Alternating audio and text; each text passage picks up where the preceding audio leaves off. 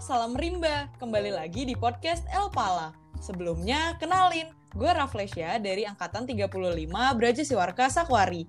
Dan di sini gue nggak sendirian, karena gue ditemenin sama teman seangkatan gue juga nih. Ya, halo gue Aleta dari El Pala Angkatan 35 Braja Siwarka Sakwari. Nah, ngomong-ngomongin soal angkatan nih, Let. Uh, lo inget gak sih waktu jadi siswa kita kan disuruh ngafalin nama-nama angkatan tuh yang ada di sebelum kita. Kan kita angkatan 35 nih. Kita yeah. harus ngafalin 34 nama angkatan sebelum kita yang banyak banget itu. Iya bener banyak iya. banget. Itu gue ngafalinnya susah banget sumpah.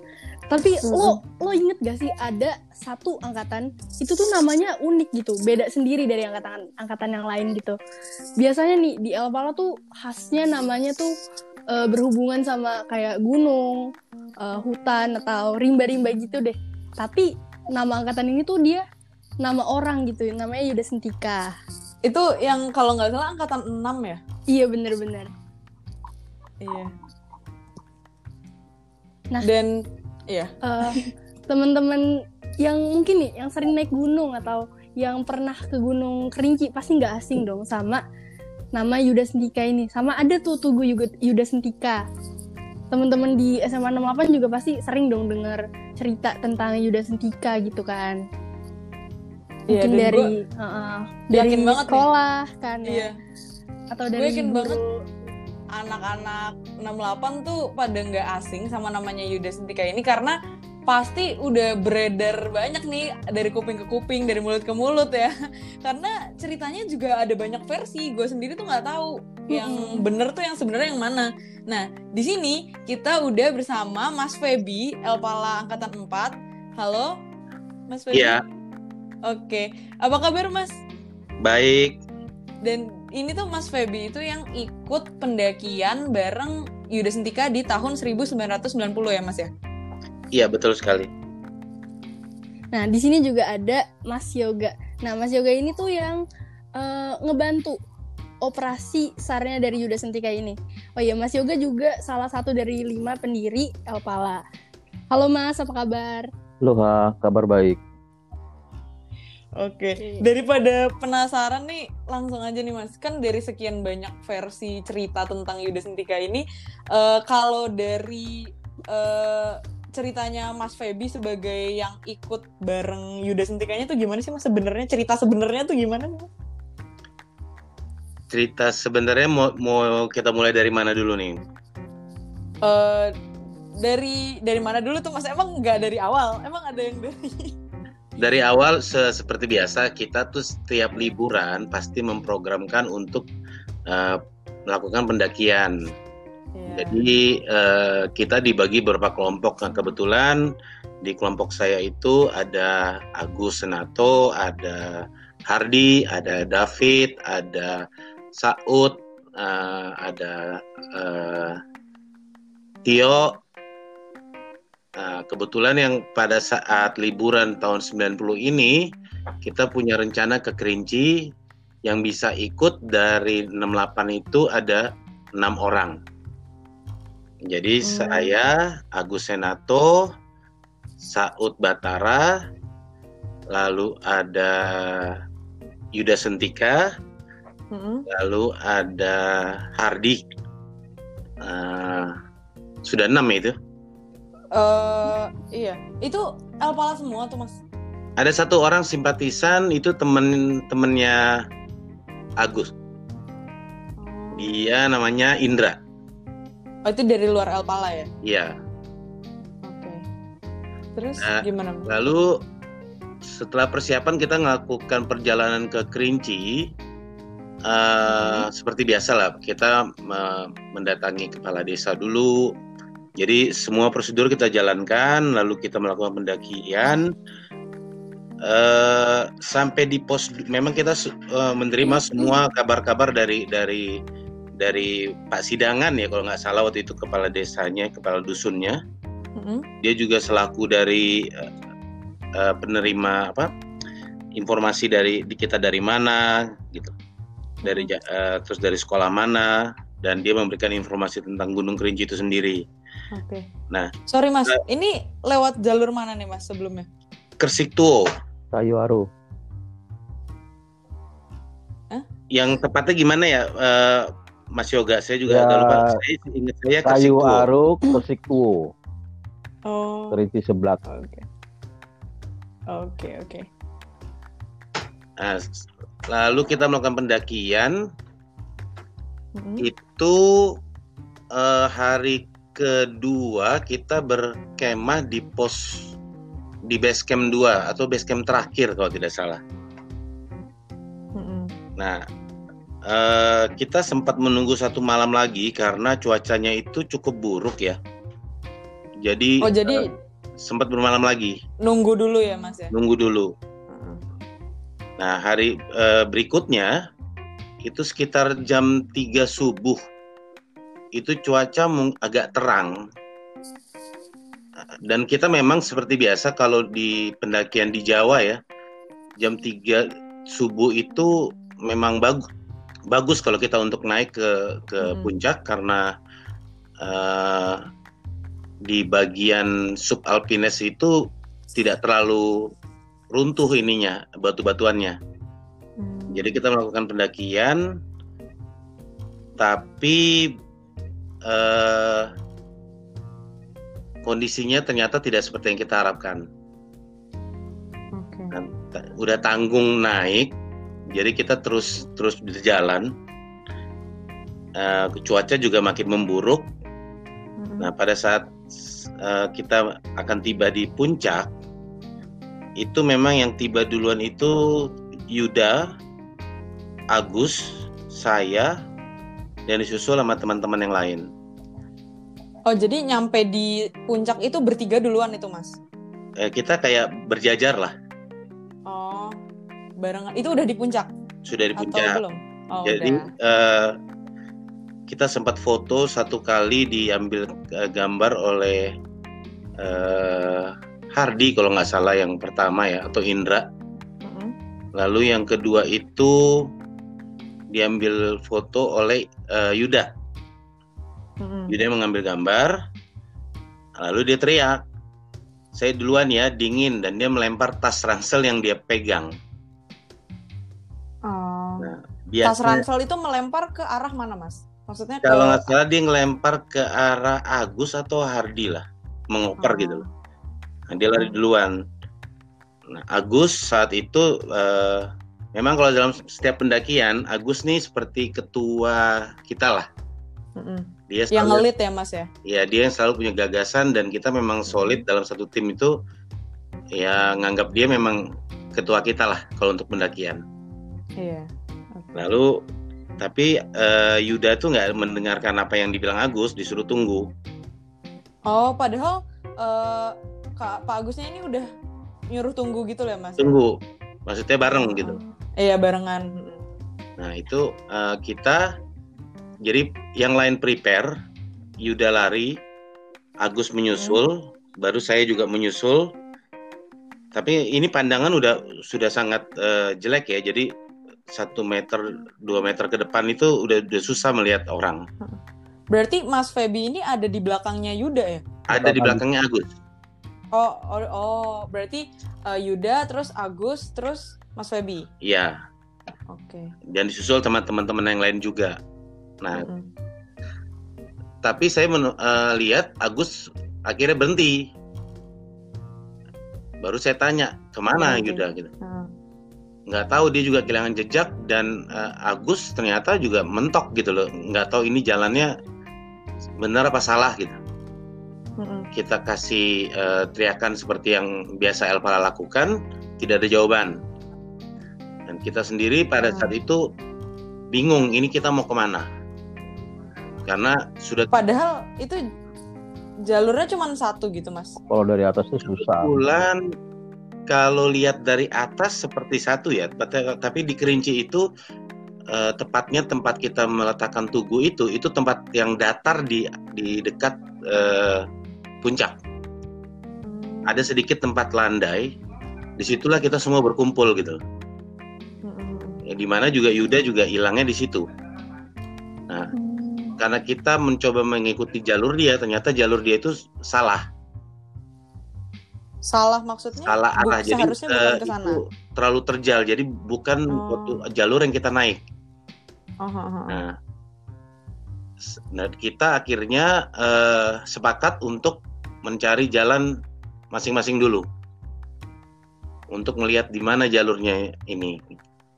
Yang pada akhirnya kita menemukan eh, jalan kita datang eh, waktu kita naik tadi.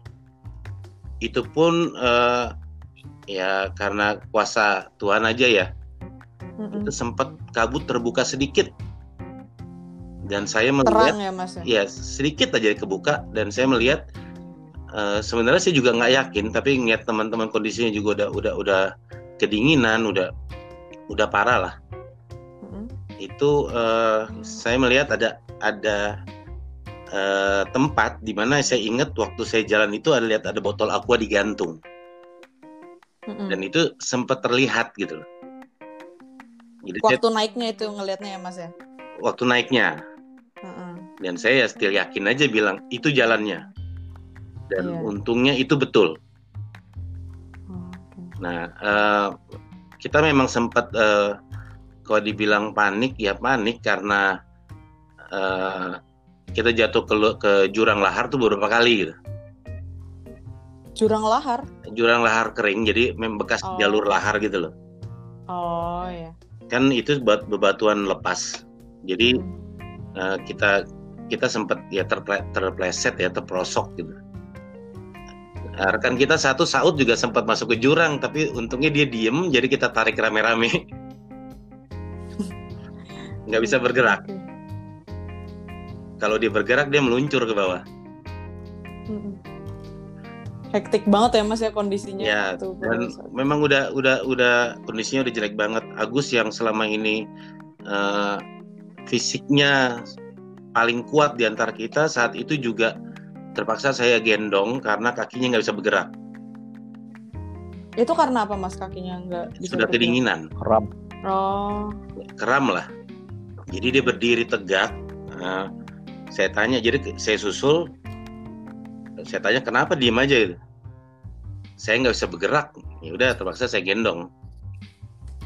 Hmm. jadi kita eh, akhirnya kita mencapai base camp di mana kita taruh eh, kalau nggak salah kita dulu nyebutnya subalpine eh, system ya jadi kita naruh tenda dan rangsel besar kita di di pos eh, base camp 2 jadi kita turun kita masih berharap nih ini Yuda ada di sana gitu.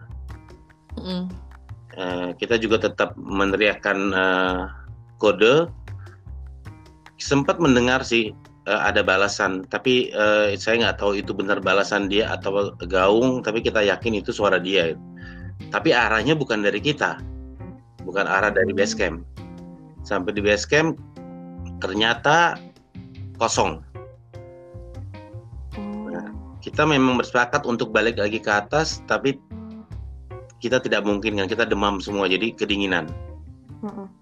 Nah, sehabis kita mengganti peralatan dan baju, eh, kita tetap mencoba me- meneriakkan kode, sayup-sayup Hmm. seperti nggak eh, mendengar suara dia, tapi kita nggak mungkin kan untuk berjalan lagi. Mm-mm. Nah, di pagi ha- di malam hari ini kita sepakat besok kita harus turun eh, untuk melapor ke bawah. Dan paginya ini sekitar jam jam 5 pagi ya, saya turun bersama Indra untuk melapor ke bawah. Berdua doang ini mas? Hanya berdua yang berdua. ya, yang yang Oh. yang lainnya di di atas empat orang lagi ini mencoba untuk eh, naik ke atas sedikit untuk melihat apakah ada tanda-tanda eh, Yuda bisa bisa bisa kelihatan gitulah. Mm-mm. Nah setelah itu saya melapor ke Pak Sidangan dan menghubungi Jakarta ke eh, Mas Yoga dan Mas Bama. Jadi eh, di situlah kemungkinan yang yang singkatnya ya kejadiannya saat itu. Hmm. Oke. Terus itu setelah eh, telepon ke ngehubungin ke Jakarta itu langsung dipanggilin tim SAR atau gimana nih Mas kalau untuk pencariannya? Atau nunggu lagi? Mas Febinya naik lagi atau enggak?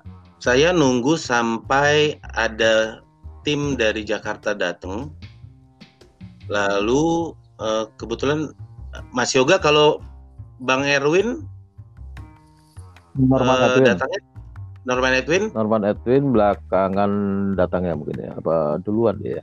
Eh, lupa. saya saya rasa bareng sama Bama ya. Eh, ya pokoknya waktu Oh, itu sorry, kita sorry. eh, rapat Iya. di tempatnya Jul untuk eh, koordinasi koordinasi pembentukan tim SAR kemudian untuk koordinasi perbekalan ke- kemudian juga kan penggalangan dana kan untuk mengirim orang-orang Hmm. karena eh, budgetnya nggak banyak ya dari Jakarta yang dikirimkan juga nggak banyak orang tapi eh, saya membawa semua kebutuhan logistik untuk SAR selama SAR di Kerinci. Sampai eh, waktu ketika di Jambi ya saya ketemu Danrem, eh, ketemu para pejabat-pejabat daerah lah untuk koordinasi eh, SAR. Ya, pada saat itu memang dari kepolisian juga sudah mengirimkan tim SAR juga. Brimob ya, Feb ya. Iya betul. Seingat, Berarti seingat saya Bang Norman Hmm. itu kebetulan lagi ada di daerah mana gitu. Karena dia bersama eh, dua anggota lama Pala UI itu I- Dodi sama Idam kalau nggak salah ya. Iya, Bang Ida ya. mereka ngasar duluan kok, emang naik duluan. Iya. Nah, nah itu SAR pertamanya itu eh, hari apa tuh Mas? Hari keberapa tepatnya? Iya hari hari keberapa? kalau nggak salah hari kedua. Jadi eh, berapapun yang ada saat itu, itu kita bagi menjadi 6 SRU. Jadi eh, anggota kita, kebetulan Indra kita persilakan pulang karena dia eh, bukan dari Elpala. Jadi eh, dia pulang duluan. Nah, lima dari kita ini yang untuk koordinasi di bawah kalau tidak salah saat, salah, saat itu Saud ya. Dan eh, empat lagi memimpin SRU SRU eh, untuk SAR saya bersama Idam dan eh, Dodi dari Mapala UI dan beberapa rekan dari SMA Sumbangsih itu ikut dalam SRU saya. Begitu juga Agus, Agus juga eh, memimpin SRU yang lain. Sedangkan Bang Norman itu memimpin SRU atau koordinator SRU dari puncak di tempat di mana kita terakhir eh, berpisah sama Yuda. Hmm. Berarti terakhir ketemunya tuh yang di tempat landai tadi itu ya Mas? ya? Betul, yang sekarang dipasang eh, tugu. Tugunya. Heeh. itu dari dari pertama laporan pertama Yuda Sendika dinyatakan hilang itu eh langsung besoknya atau beberapa hari kemudiannya gitu dikirim SAR ke lapangannya. Yang pertama itu sebenarnya dari kepolisian ya. Oh. Tapi kepolisian juga sepertinya Nggak eh, siap. nggak siap untuk melakukan SAR. Semuanya kena diare, Waduh. kok kok diare Mas? nggak biasa kena dingin. Oh. itu beneran maksudnya beneran kejadian pada diare gitu? Iya, termasuk ke Kapolseknya ya, Mas Yoga ya. Ya lupa saya ini ya. Jadi Dan sempat timnya lah. setelah- iya, kita, saya sempat melakukan kalau nggak salah setelah seminggu lah Kapolsek itu datang dan dia minta kita untuk eh, mengantarkan dia ke puncak karena dia mau koordinasi dari atas begitu ceritanya. Oh. Nah, kebetulan Mungkin- saya yang nganter ke atas. Setelah saya melakukan SAR bersama tim saya. Nah, dan saat itu hanya berselang satu hari dia minta turun lagi. Karena diare itu Mas. Kondisinya memang tetap cuaca masih buruk, tapi Oh. dia nggak sanggup Atau- dengan dinginnya. Mungkin emang polisinya dari kepolisiannya belum biasa sar ke gunung gitu atau gimana? Ya mungkin ya saya Iya, nggak kan tahu. itu kan bukan anggota SAR ya, jadi kan ya hanya Iya. mereka petugas yang ditugaskan untuk mencari, ya, karena kan pasti perintah itu kan sifatnya dadakan, ya mungkin kurang persiapan juga, atau ya memang karena faktor alam juga, karena kan cuaca di Kerinci itu iya kan benar dingin, benar. Orang udah siap aja seperti Feby dan teman-teman aja mengalami kondisi yang seperti itu. Nah, kalau boleh tahu itu tahap-tahap operasi SAR-nya tuh gimana? Kayak dari awal banget misalnya ada penyusunan rencananya atau gimana gitu, Mas? kalau penyusunan rencana seingat saya begini eh, koordinator di bawah itu dipimpin oleh Kak Bama. Jadi eh, kita dibagi 6 SRU tapi sebelum melakukan itu kita kebetulan eh, selalu sedia peta ya. Nah eh, jadi kita menentukan eh, azimut dari eh, puncak titik ke atas itu ke arah prediksi ke mana Yuda bisa berjalan. Nah, jadi itu dikonsentrasikan kalau nggak salah ke arah kalau kita berdiri di atas puncak itu di sebelah kanan semua. Karena kita tidak mungkin mengarah ke kiri karena memang kalau di kiri itu jurang eh, masuk ke kawah. Jadi itu kita semua di kanan. Nah, tapi radius kanan itu kan sangat luas sampai ke arah danau apa ya? Saya lupa di situ Mas Yoga. Apa namanya ya? Benar di atas. Yang kalau kita lihat dari atas puncak itu ada danau di sebelah kanan namanya danau di atas kalau nggak salah ya. Hmm. Ya? Oh. Saya lupa lah itu.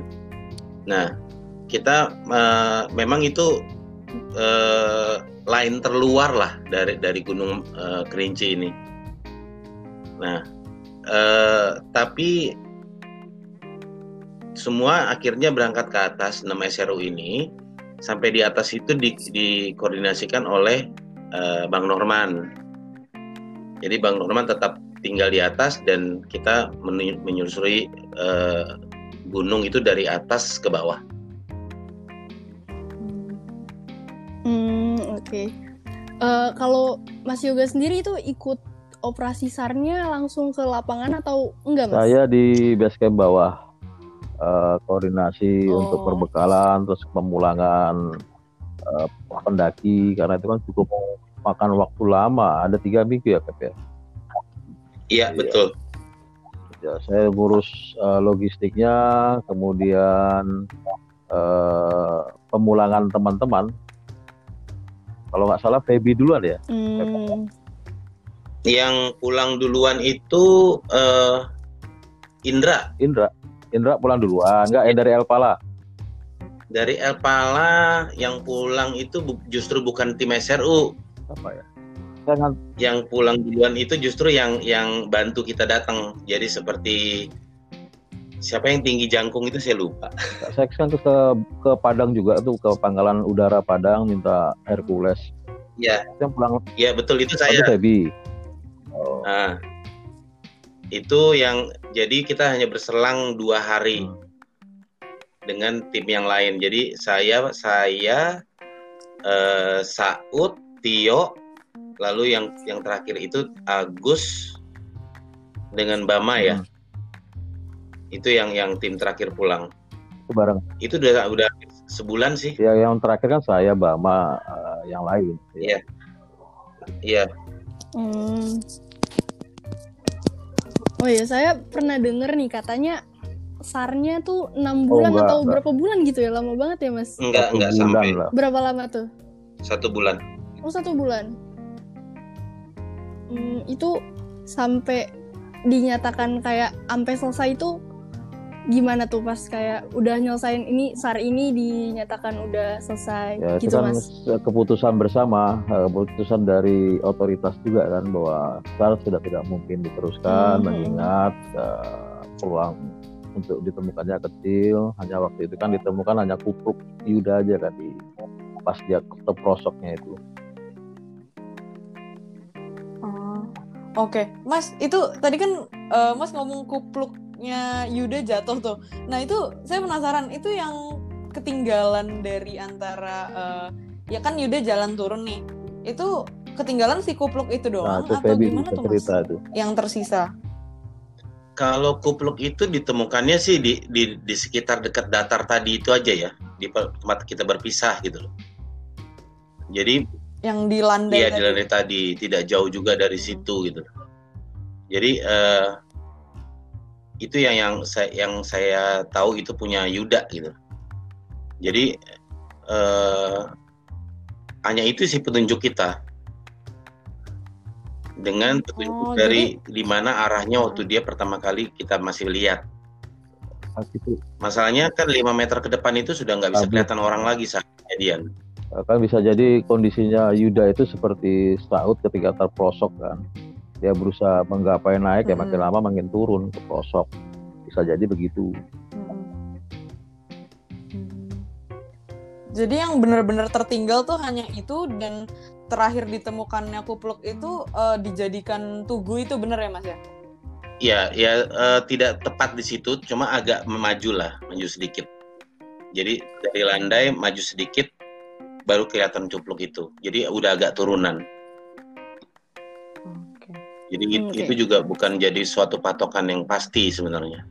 Hanya kita yakin hmm. arahnya mungkin ke situ. Hmm. Hanya radius pencarian itu lumayan luas waktu itu nama SRU itu ya. Jadi setiap hmm. uh, setiap SRU itu punya derajat kemiringan uh, azimut itu sekitar 5 derajat. Jadi kalau kita tarik lurus ke bawah hmm. itu hampir 180 derajat dari titik puncak ke bawah. Hmm. Tapi uh. kita persempit karena kalau kita sosokan puluh kita udah keluar Jambi. Oh. Jadi hanya 45 iya makin bawah kan makin lebar. Iya. Oh iya Mas, kalau boleh tahu itu uh, responnya pihak sekolah gimana pas tahu ada kabar gitu? Ini Mas Yoga yang tahu. Ya, kebetulan oh, kan okay, kepala okay. sekolahnya masih Pak Subandio. Nah. Pak Subandio kan cukup support dukung Elpala ketika dulu pertama kali saya mengajukan izin uh, pembentukan. Ya, kita juga mengatakan bahwa ini namanya kan musibah. Musibah itu kan bisa terjadi di mana saja kapan -hmm. saja tidak harus naik gunung. Dan -hmm. saya mengatakan bahwa dari sekian ribu pendakian paling eksiden itu berapa persennya. Jadi memang ini tidak ada yang mengkehendaki gitu karena semua sudah dipersiapkan, matang segala uh, apa aturan itu sudah dijalankan. Eh, namanya faktor alam kan siapa yang bisa menduga. Nah, jadi pihak sekolah juga mengerti dan dari uh, orang tua pun tidak ada tuntutan atau menggugat ke sekolah tidak ada karena ini kan murni kegiatannya atas kemauan dan izin orang tua kemauan anaknya dan izin orang tua tentunya. Hmm. dan saya pertama Kalau... kali mendengar kabar hmm. itu kan ketika saya baru turun dari Papandayan itu. Oh. Terus langsung pulang Jakarta ya langsung pulang Jakarta ya, koordinasi uh, kita menghubungi kita alam dalam lain mana yang bisa mengirimkan anggota. Terus dari Padang juga kan ngirim juga tuh dari Mapala uh, Universitas uh, ini Abu Hatta ya dari Padang hmm. dari Andalas, Andalas ada ya. banyak juga waktu itu yang yang hadir kalau dari pihak berwajibnya itu ya dari kepolisian tapi kalau dari uh, SAR sendiri nggak ada yang dari Basarnas itu nggak ada oh oh malah nggak ada dari Basarnas ya tapi malah dari uh, pecinta alam pecinta para alam pecinta alam yang dikoordinir ya. oleh Norman Edwin hmm. dan waktu itu uh, maksudnya di Bama ya iya. Uh, kalau dari keluarganya hmm. itu gimana mas? Uh, dari pandangan keluarganya gitu? Ya keluarga ya setahu saya ya menerima namanya. Tapi ibunya pun tetap ya. masih yakin bahwa Yuda masih hidup. Oh kita pakai paranormal lah segala oh. macam.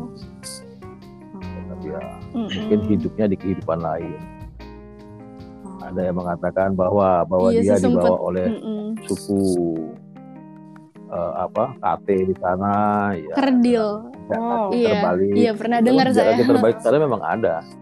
Kata waktu itu ketemu nggak deh Pep ya? Jejak-jejak kaki. Yang mana? Jejak kaki. Uh, kita cuma dengar suara ya. Suara gendang sih. Tapi uh, saya nggak tahu itu monyet apa suara gendang dari suku tersetempat ya. Hmm yang jejak kaki itu jejak kaki kerdil itu mas? Atau jejak kaki? Uh, enggak itu jejak. Maksudnya di kita cuma uh, menganggap itu mungkin jejak kaki Yuda. Karena kan kalau di di ketinggian uh, 3000 ke atas itu kalau kita menapak itu bekasnya cukup lama. Uh, -huh. dari batuan lepas itu terlihat. Tapi biasanya satu dua hari itu akan tertutup lagi. Karena oh. suhu ya. Uh -uh itu dia lepas nah itu memang sempat kita masih lihat tapi uh, hanya beberapa langkah itu karena kalau treknya pasir gitu ya mas? Kayak kerikil batu lepas. Oh kerikil Semeru gitu lah. Jadi oh, kalau okay. ya iya iya. Masih di daerah yang tempat kupluknya itu juga ya mas ya?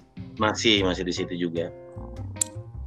Itu 90 hmm, Feby naik kerinci saya naik kerinci itu tahun 85 86 Wow. itu yang sebelumnya. Saya sebelumnya yang bukan, ya.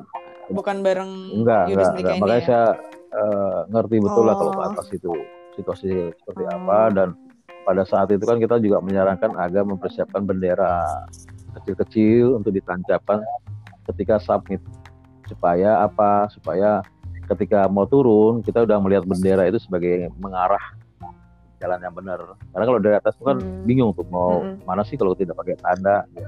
oh, biar ya, ditandai oh iya. berar berarti ini Yuda sendiri kan naik udah dari bendera-bendera belum yang kayaknya mas bikin nggak Gus uh,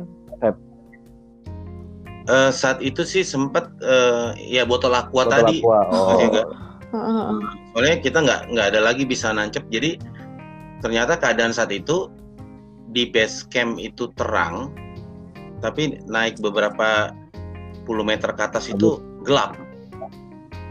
Jadi uh, beda sekali.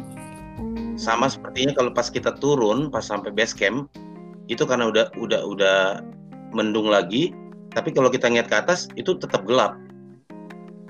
Di di base campnya lumayan ada nah. ada mata matahari ya, sinar gitu. Tapi di di puncak itu nggak ada. Itu base campnya yang begitu uh, jalan setapak tuh sebelah kiri agak datar itu ya Feb ya? Iya. Yang base camp kedua lah, base camp terakhir itu. Yang buat camp biasanya. Hmm. Dan ternyata ya itu waktu Kerinci itu ya termasuk uh, hutan perawan ya, jadi rapat gitu hutan basah, kemudian juga masih ada lintasan harimau. Ya itu banyak. Kita ketemu juga. Ketemu harimau, iya. Mas? Oh. Ya. ya waktu besar itu jumlah pendaki mau naik itu ya papasan. Oh. Untungnya bukan musim kawin. untungnya jadi enggak. Ya, memang memang ya untungnya itu. Kalau musim kawin ya aduh nggak tahu. teritorial kan mereka binatang teritorial. Hmm, selama ngecamp nggak mengganggu gitu mas? Uh, enggak, ya memang kita kan nggak merusak ya. Mm-hmm. Jadi kita hanya hanya flying camp lah kita bilang. Mm-hmm. Oh, Jadi oh. Uh, untuk bermalam semalam gitu. Kita di SRU juga uh, eh, SRU saya sempat kehilangan kontak ke bawah karena tidak tembus uh, sinyal radio. Wow. Jadi di malam oh. di malam kebetulan lah saya nggak sengaja waktu itu uh, saat kita beristirahat itu hati saya main-mainin. Uh, antenanya saya tekuk-tekuk gitu loh. Uh mau masuk. Masuk mendem gitu mas maksudnya? Maksudnya masuk kedengeran ke bawah. Oh. Oh sinyalnya masuk ya, gitu. uh, uh, yang jawab Bama. Uh. loh ini siapa? Gua Bam gitu biasa jawabnya gitu. Uh ada di mana? Baru kita kasih tahu posisi kita lost contact gitu nggak nggak nggak bisa tembus oh emang nggak emang karena sinyalnya ya gitu karena dia ya, hutan rimbun sekali ya oh, jadi kayak oh, kita oh. juga ketemu hutan pakis tuh kita bisa jalan di atas eh, pohon-pohon pakis wow saking saking Oh. rapatnya gitu Masih belum kebuka banget ya kalau dulu ya Mas ya. Belum. Sekarang kayaknya makin makin susah itu. jalurnya. Makin turun tuh bukan makin mudah makin sulit Oh. jadi banyak banyak banyak ke jadi rapat kalau kita nggak tahu itu kalau di bawahnya ternyata lobang gitu Jadi nyaru Jadi- ya Mas ya. Enggak Iya kadang-kadang terprosok gitu jadi kita Hmm. menggunakan tali selalu Hmm. menggunakan tali Oh. Iya. Eh, kalau boleh tahu itu mm, terakhir sebelum pisah sama Yuda itu itu lagi pagi atau atau jam berapa itu gitu mas? sekitar jam 6 6 pagi Berarti oh kabut kabut tebel banget ya mas? tebal Ya. tebal sekali hitam Satu meter nggak kelihatan ya tebel itu. tebal sekali Hmm, iya ya. Ya. Jadi mungkin kita sempat mikir kalau kita kena frostbite ya saling tolong menolong lah peluk pelukan juga sih kita udah saling dingin Ya, jadi kemungkinan tuh kan Yuda itu kena hipertermia di atas karena kedinginan lagi nggak ber- bisa berpikir eh, apa. Iya. Mhm. Jadi ya yang penting asal turun lah gitu loh. Mm-mm. Jadi atau ada sesuatu faktor lain yang mungkin halusinasi atau apa kan bisa jadi yang membuat dia cepat-cepat Hmm. harus turun. iya benar-benar. karena faktor itu dinginan kedinginan itu. Sama emang itu eh, Yuda Sentikanya pakai pakaian kayak gimana Pakai itu, kotak-kotak ya. Mas? flanel lah Oh. Iya. flanel, flanel, kemeja gitu ya. Hanya Ya, satu lapis ya? dua lapis Oh. jadi eh, kita kan ini bukan pendakian pertama saat itu jadi kita semua tuh kelas 2 SMA ya Ya. Mas Yoga ya naik ke Oh. kelas 3 Seumuran kita sekarang ya, Let ya? Berarti. ya Iya. dan itu bukan pendakian kita pertama karena kebetulan angkatan 4 ini sangat aktif lah Oh, Sering tuh Mulai- Mas ya naik gunung ya? Hmm. bukan sering lagi jadi pokoknya ada libur dikit kita kabur Waduh. dari Oh, sekolah enak Seru juga. banget. Oh ya dulu aktif banget Jadi- anak-anak itu. Ya semua tidak ada yang tidak Lengkap sampai ya? yang yang wanita juga sampai kita tuh ada beberapa tim pendakian gitu loh. Jadi saling tanya. Heeh. kalian ke mana sini Oh, tukar Oh. pengalaman Nah, jadi gitu ya, kalau Mas. kita bilang saya besok mau ke sana jadi tukeran tukar data Oh. Oh. jadi ceritanya tuh setiap individual tuh seru lah nah jadi tim itu sebenarnya tidak kita bentuk tapi terbentuk sendiri Hmm. jadi Oh, saya oh, oh. Agus Tio Yuda eh, Saud Saud tuh sebenarnya bukan bukan di tim kita Saud di Hmm. tim yang satu lagi tapi saat Tapi itu lagi ngikut. lagi ngikut karena karena Hmm. program yang cukup eh, jauh sekarang ini kerinci. Mm-mm. Nah saat itu juga ada yang ke Baduy ya. Mas Yoga ya. Jadi yang yang wanita biasanya ke Baduy. Nah kalau yang satu lagi eh, Indonesia bagian timur. Jadi eh, tapi ini pendakian kita ke arah Sumatera yang pertama. Kerinci. Oh. Wow. Jadi, Ini termasuk yang jauh juga ya, Mas? Ya udah cukup eh, jauh. ja- jauh sih kita udah sampai Sulawesi. Oh. Cuma Hmm. untuk untuk ini untuk Sumatera lah. Ini yang pertama Hmm. gitu loh. Oke. Seru banget ya. Hmm, itu jadi bisa Mm-mm. sering gitu kalau sekarang waduh. Sekarang udah beda eranya. susah. Dulu nggak punya duit juga Dari- jalan. iya. Ya itu itu salah satunya. Ataupun salah satu nggak punya duit dibantu sama yang lain. Hmm. Saweran. Oh iya. iya. Saweran. Tapi ayo itu sekarang juga masih gitu sih ya, lihat ya. Iya, sekarang kita juga kayak gitu sih. Cuman ke sekolahnya itu loh. Susah. Sebenarnya kan kalau sekolah itu kan tinggal bagaimana orang tua aja kalau udah bikin orang tua Iya, ya sekolah iya. juga ya namanya kegiatan di luar sekolah. Liburan kita Iya. ya, Mas Iya. ya. Bukan Iya. liburan Iya. acara sekolah. Justru kita sebenarnya jarang ya bilang kalau sekolah kalau kita mau Nggak pernah ke mana-mana. malah. Zaman saya itu nggak pernah.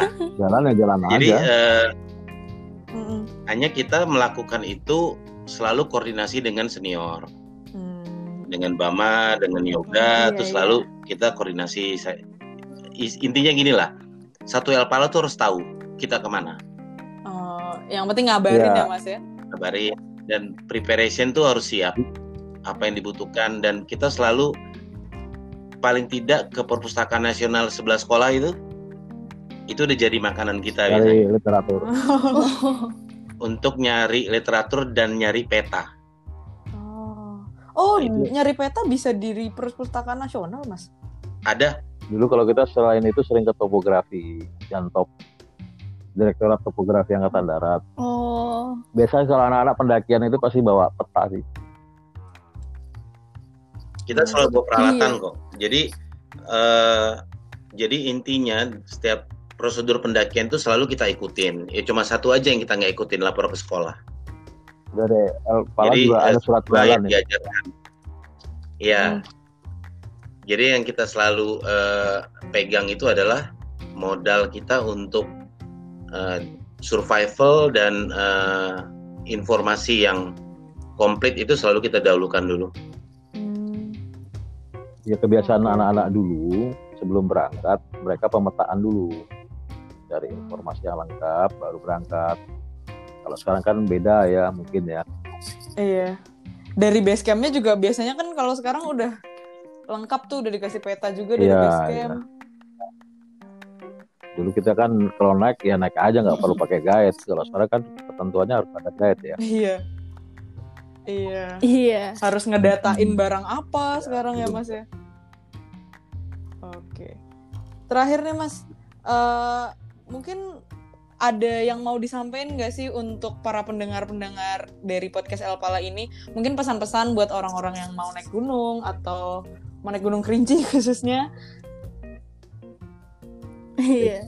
naik gunung kerinci ya secara global sih kalau eh, pendakian prosedur untuk eh, melakukan pendakian itu harus kita kita ikutin lah Hmm. Eh, tapi saya nggak tahu yang sekarang ini Hmm. apakah eh, masih sama dulu apa yang diajarkan oleh senior senior kita ya seperti Kak Bama, Kak Yoga dalam melakukan pendakian itu segala suatu informasi harus komplit dulu Mm-mm.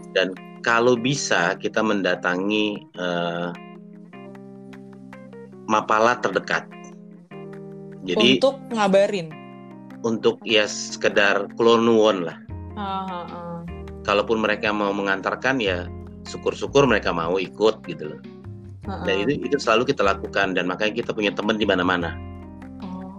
dari sejak SMA. Jadi teman-teman kita tuh malah kebanyakan malah mahasiswa, Oh, iya. bukan anak SMA. Zaman kita dulu itu. Nah, mereka juga salut Elpala karena koordinasi kita ini eh, cukup baik ya Mm-mm. dan peralatan kita cukup andal lah. Ya ini terima kasih buat senior yang pernah ngajarin kita semua lah. Baik dari tram, dari eh, internal kita Mm-mm. sendiri. Nah, kalau pesan kita untuk pendaki yang lain ya eh, jangan lupa lah keselamatan diri itu memang harus dipentingkan dan eh, jangan ego didahulukan. Oh, Oke. Jadi dulu mungkin kita masih muda-muda ya Iya. Kak Yoga ya. Jadi semangat tuh masih tinggi sekali. Memang fisik masih kuat tapi alam tuh susah untuk dilawan. Itu aja sih yang kalau saya bisa bilang ya. Oke. Kalau dari Mas Yoga Ya, ada yang mau disampaikan eh, lagi nggak Mas? Yang penting itu kan keselamatan adalah hal yang utama dalam sebuah pendakian. Dan sebelum pendakian itu adalah Iya benar. perencanaan yang matang. Tanpa rencana, kalau biasanya kalau kita di tram itu ada istilah tanpa rencana akan mati percuma. Tram. Jadi semua Waduh. itu harus direncanakan. ya. Keren dan juga. tidak boleh iya. ada sikap jumawa, sombong ketika melakukan aktivitas Iya. jalan bebas. Saya sudah Hmm. pernah naik ini eh, kerinci terus mau naik lagi aja ah udah gampang lah enteng gue udah pernah ini tidak boleh ada pikiran Hmm. seperti itu nggak boleh Sombong biarpun ya. sudah pernah tetap aja kita menganggap ini sesuatu yang pertama kali jadi semua itu harus di prepare dengan uh, sempurna. Ya, kalau pergi dua hari ya siapkan bekal untuk empat hari. Selalu harus lebih jangan pas-pasan dan adat istiadat setempat harus ditiru. Jangan membawa adat sendiri, adat bawaan dari Jakarta dibawa ke setempat itu tidak baik. Ya, iya nggak bisa itu. Itu kembali lagi bahwa berarti keselamatan itu adalah hal yang utamanya. Proses itu harus selalu diikuti. Okay. Proses tahapan-tahapan untuk pendakian itu semua itu harus diikuti. Tidak ada merasa bahwa gua hebat, gua udah pernah, gua udah pengalaman, nggak ada itu kalau namanya di alam nggak, nggak bisa seperti itu karena situasi di luar kita kan kita tidak bisa mengendalikan kekompakan tim iya, itu bisa juga diprediksi ya. Oke. Oke. Aduh, nggak kerasa nih kita udah ngobrol-ngobrol udah hampir sejam. asik, asik banget. Seru ya, ceritanya ya. Akhirnya, akhirnya gue tahu yang mana yang versi yang benernya nih dari orang yang ikut bareng. Makasih loh ini Mas Feby sama Mas Yoga udah mau meluangkan waktunya buat cerita-cerita di podcast Alpala episode kali ini. Iya. Iya, terima kasih juga. Mm -mm. Dan thank you juga buat yang udah ngedengerin kita sampai uh, detik ini. Sekian aja dari kita. Nantikan kami di episode selanjutnya ya. Salam rimba.